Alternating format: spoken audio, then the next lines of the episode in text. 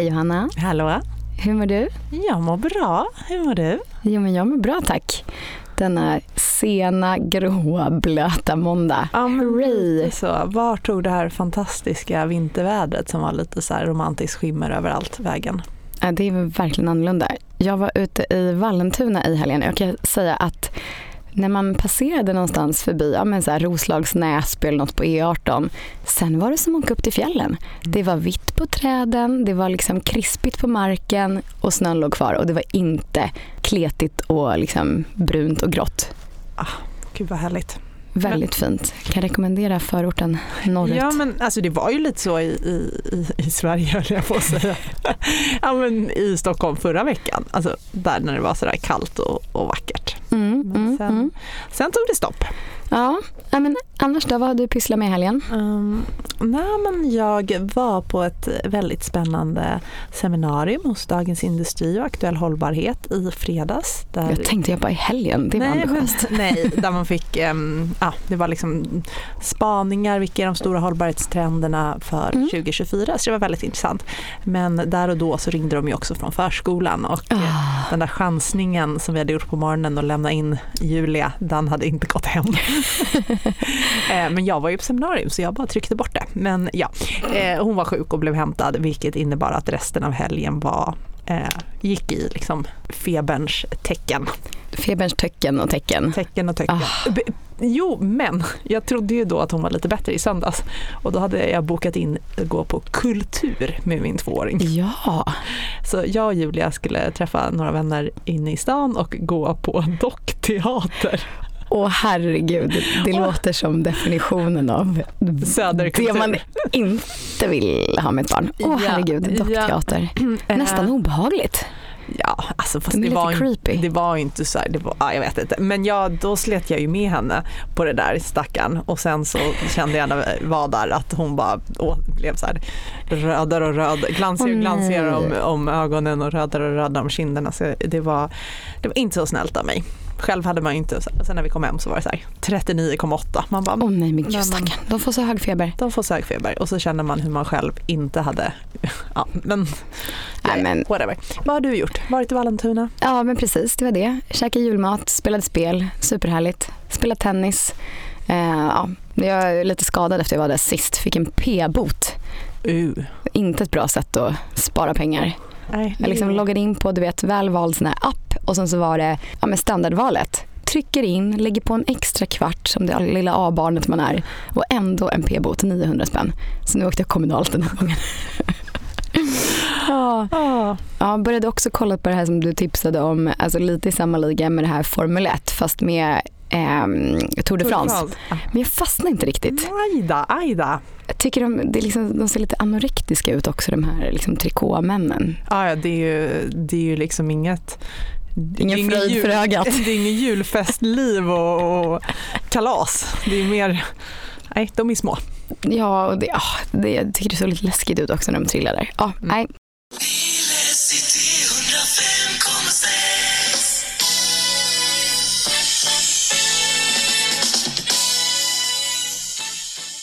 Okej, ett litet svep av nyheter då från veckan som har gått här. I fredags, lagom till helgen, då var det premiepensionsinsättning. Så då dunkade det in alla som jobbar och är över 18 år. 2,5 procent utav inkomsten, dock max 13 672 kronor. Woohoo. Woho! Och totalt, vet du vad det blev? Tjuvkika inte nu.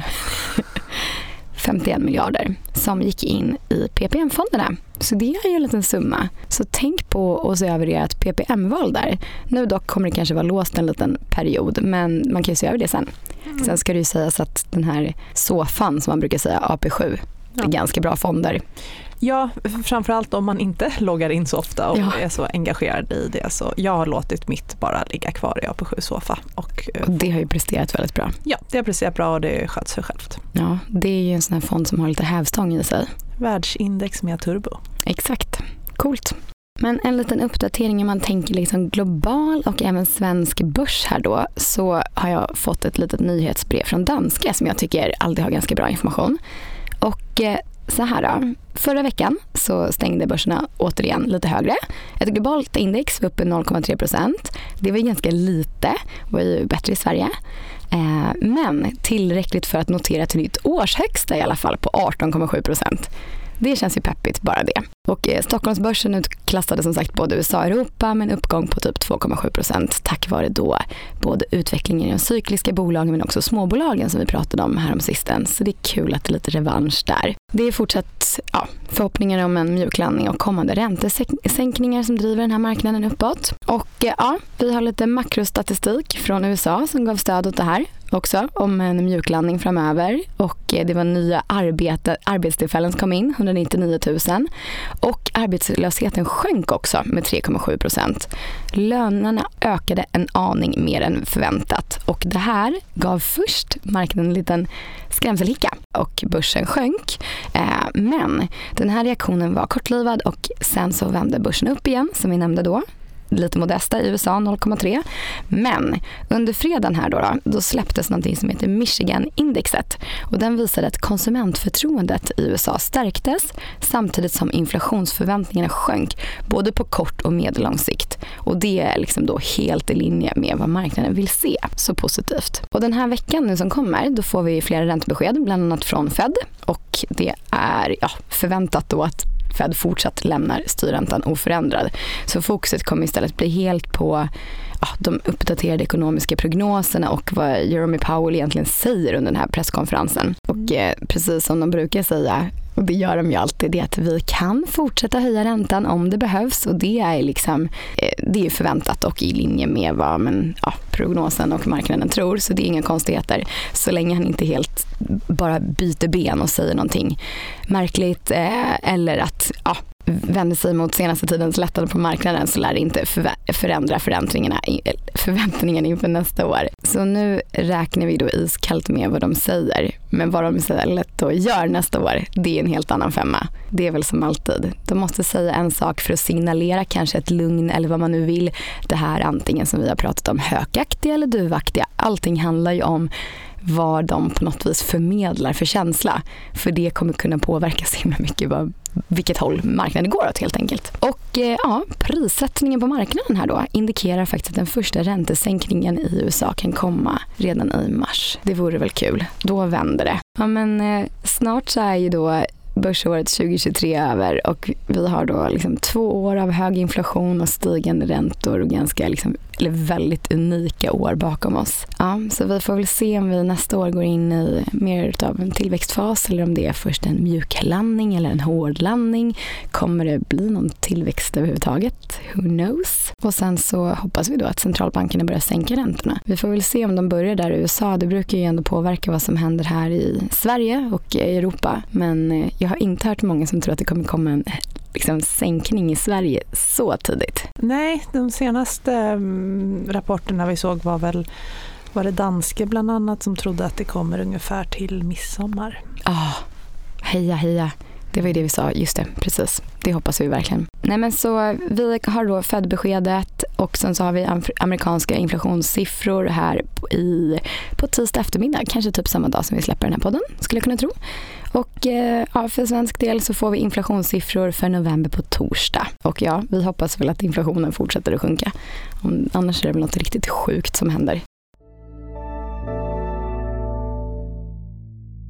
Det pågår ju klimattoppmöte just nu och med anledning av det har jag kikat lite på hur det egentligen står till med eh, sektorn förnybar energi. Och då ser vi att eh, S&P Clean Energy Index har tappat 45% på tre år samtidigt mm. som breda S&P 500 har stigit 30 så det har blivit liksom ett, ett ordentligt gap där rent avkastningsmässigt och där Clean Energy Index handlas också till ett lägre framåtblickande P tal än breda index, det vill säga alltså kilopriset på de mm. aktierna eller ja. i förhållande till deras förväntade framtida vinster är, är eh, lägre än vad, vad breda indexet är. Så att, här tänker jag att om man ändå tror på någon form av tillväxt mm. framöver så borde det kunna bli en revansch för just eh, förnybar energi och den sektorn 2024.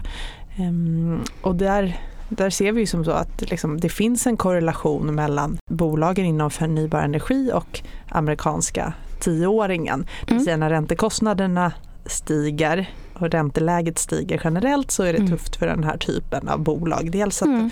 ofta lite Ja, men hög, högre liksom- skuldsättning men också Mm. att ja, Tillväxtbolag kanske. Ja, tillväxtbolag.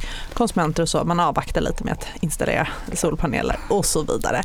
Men nu så ser vi att räntorna är på väg ner vilket du också påtalade här. Så, så det talar ju för sektorn men det som kanske framför allt det är ju den här underliggande eh, tillväxten som faktiskt bara måste till. Mm. Eh, nu i Dubai av alla ställen men, men Alltså, på klimattoppmötet. lite weird ändå. Ja, super weird. Då är ju det här första året där man ska göra en liksom inventering eller kartläggning av hur världen faktiskt taktar mot våra klimatmål, eller klimatmålet om en och en halv graders uppvärmning max.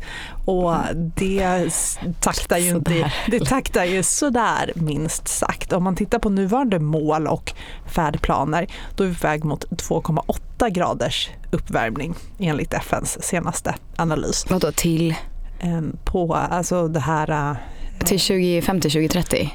Eh, nej, eh, eh, tju- det här är sek- seklet 2100. Jaha okej. Mm. Ja men ändå, Men det är ändå. högt. Det är väldigt högt.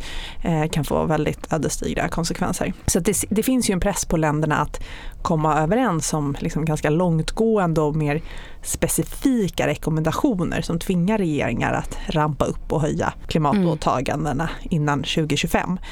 Ehm, och där måste det finnas med en tydlig utfasning av koldioxid och det, det är väl det man säger att det tillsammans med ett globalt pris på koldioxid är vad vi skulle behöva me- mest av allt. Men utifrån tidigare erfarenheter så är det ju otroligt tveksamt att, På Att- global nivå. att det kommer Mm. ske. Nu, senaste notisen jag såg innan vi gick in i den här podden då på måndagen det var att det fanns inte med någon skrivning om utfasning av, koldi, av, utfasning av fossila bränslen i den, det utkast som man har tagit fram. Nu är det ju ett drygt dygn kvar att förhandla. När de sitter i ett oljeland och förhandlar. Ja, så vi får väl se hur det blir. Men det är inte, bedömarna har inte jätte, de är inte jättehoppfulla om att det kommer Nej. eh, finnas med någon skrivning om tydlig utfasning av fossila bränslen. Men det Mm. man då, eh, det är Bloomberg som har satt ihop en statistik och sannolikhet och det de bedömer Mm. som mest sannolikt att man ändå ska komma överens om det är utbyggnad av förnybar energi och att man faktiskt måste tredubbla den här Mm. utbyggnaden för att, för att ja, komma någon, någorlunda i mål. Och det skulle kräva en fördubbling av investeringarna i förnybar energi, energi till 2030. Man måste investera mer än 1000 miljarder dollar i förnybar energi 2030 jämfört med 564 miljarder som investerades 2022. Så att det är ju det är helt bizarra summor. Verkligen, men det var ju ändå hälften 2022. Ja, men, ju, ja. ja, ja, det, var, det var ju hälften, men man måste fördubbla det. Ah. Och då skulle man kunna få en trippling av liksom, utbyggnaden. Och man måste också eh, tri- Alltså, tre, man måste tredubbla eh, investeringarna i elnätet och batterikapaciteten måste 16-faldigas. oj, Så att det ja, är det är ju, batteri. vi kan ju dividera kärnkraft, inte kärnkraft och fram och tillbaka och hit och dit. Mm. En sak är ju klar, alltså vi lämnar helt det politiska. Så här, alldeles oavsett så kommer det behöva byggas väldigt mycket mer eh, förnybar energi och investeringar i elnätet. Ehm. Men du, jag hörde en, alltså på tal om de här investeringarna som behöver göras. Det brukar inte vara riktigt my cup of tea, men om jag ska liksom lägga in det lilla kommunisttänket så hörde jag ett litet förslag häromdagen om att man faktiskt skulle beskatta och då ganska rejält de få i världen som flyger extremt. Eller de liksom hög, höginkomsttagarna. Tänk dig så här Bill Gates, Taylor Swift. Mm. För tydligen så, men du vet, du har ju hört att Taylor Swift, eh, ja, det har ju sagt att hon använder sitt privatplan mest i hela världen. Och det påverkar ju obviously klimatet så mycket. För henne kanske det skulle vara en liten droppe i havet. Och jag vet Bill Gates, han bidrar ju verkligen får man ju ändå säga redan Ja. idag. Men det är inte en helt dum tanke bara för att ganska snabbt få in väldigt mycket investeringar. nej, Alltså de som utnyttjar sina privatjets. Alltså Kardashians och Taylor Swift. Why not? Japp, I'm all with you. och det är inte bara en efterfrågan eh, så tillvida att stater bestämmer sig och, och, och ska göra de här satsningarna om man har klimatåtaganden utan det är faktiskt som så att bolag har ju också klimatåtaganden. 80 procent av de noterade bolagen har net zero-mål nu till senast 2050. Eh, Mm. Men sen så är ju bara 4 procent av de här åtagandena faktiskt de har någon form av kredibilitet och tillräckliga. Härligt, trovärdigt. Ja, but still 80 procent. Fin ambition ändå. det som sker nu, som man tror kommer ske 2024, det var också ett av temana på den här, det här seminariet som jag var på förra veckan. Det är att nu har vi lite gått från ett åtag, alltså vi har gått från det här, vi åtar oss att, och det här vadet, vad, Mm. vad vi ska göra. Nu vill investerare, omvärld och bolag själva, alltså nu måste bolagen presentera hur. Mm. Hur ska vi gå tillväga för att Ja uppnå bra. våra mål och de måste vara mer konkreta planer och, och, och inte minst så måste man ha KPI och mål för att följa upp det här. Och det menar man kommer bli den stora trenden 2024 att bolag faktiskt ska visa på huret. Och där, då är också just eh, vilken energi man använder i sin Mm. produktion. Det är en av de lägst hängande frukterna för att faktiskt få ner sina utsläpp markant. Så att det finns en väldigt stark, kom, finns och kommer finnas en ännu starkare efterfrågan från bolagen. Eh, och Det är detsamma ju snyggt gäller, att det ändå är så näringslivet nej, men som Ja. faktiskt driver. Ja, och detsamma gäller inte transporter. riktigt Det är den det. andra sån här lågt hängande frukten som Ja. man pratar om. Att bolag ser över sina transporter. Hur färdas våra varor? Alltså hur, hur transporterar vi dem till slutkund? Eller hur, Mm. hur får vi dem till vår produktionsanläggning? Och där är det också att, att få att byta från bränsle till el där är också en sån lågt hängande frukt som gör väldigt stor effekt om man tittar på vart är det bolagens utsläpp finns Mm, någonstans. exakt, vad gör det? Så att det finns alltså helt klart en efterfrågan. Sen om, om 2024 är året för, eh, för förnybart och elektrifiering, det låter jag vara osagt så. eh, Och vilka bolag, men jag tror att det finns väldigt stor potential. Ja men verkligen. Och det är ju, alltså tack för det säger man nu när man fick höra på nyheterna häromdagen om att liksom Sveriges ambitionsnivåer liksom rent eh, internationellt sett inte ser lika Nej. fina ut längre. Vi har ingen ledarroll Nej. alls. Nej, tråkigt helt plötsligt hamna i baksätet. Det känns inte så poppigt. Okej, avslutningsvis Johanna, lite positiva nyheter om kvinnor och kvinnors investeringar. Då är det så att eh, Euroclear Sweden, som är Sveriges värdepapperscentral, har gjort en sammanställning av de första tre kvartalen här i år.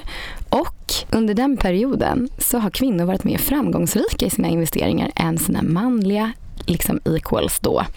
Och i alla fall under de här då, eh, första nio månaderna under året. Kvinnorna landade på plus 1,88 procent. Visserligen föga imponerande kontra vad man egentligen vill ha ett vanligt år. Men männen hamnade på minus 2. Och ja, kvinnorna har helt enkelt gjort eh, bättre investeringar i år. Och en del av förklaringen som man ser det är att kvinnor till större del faktiskt har legat i lite large cap-bolag under den här perioden och män under mer småbolag. Så med tanke på vad vi har snackat om här de sista veckorna nu när det har varit en liten comeback för småbolagen så kanske männen om vi summerar året har tagit ikapp. Men i alla fall, you go girls och boys där ute. Ja. Go, go.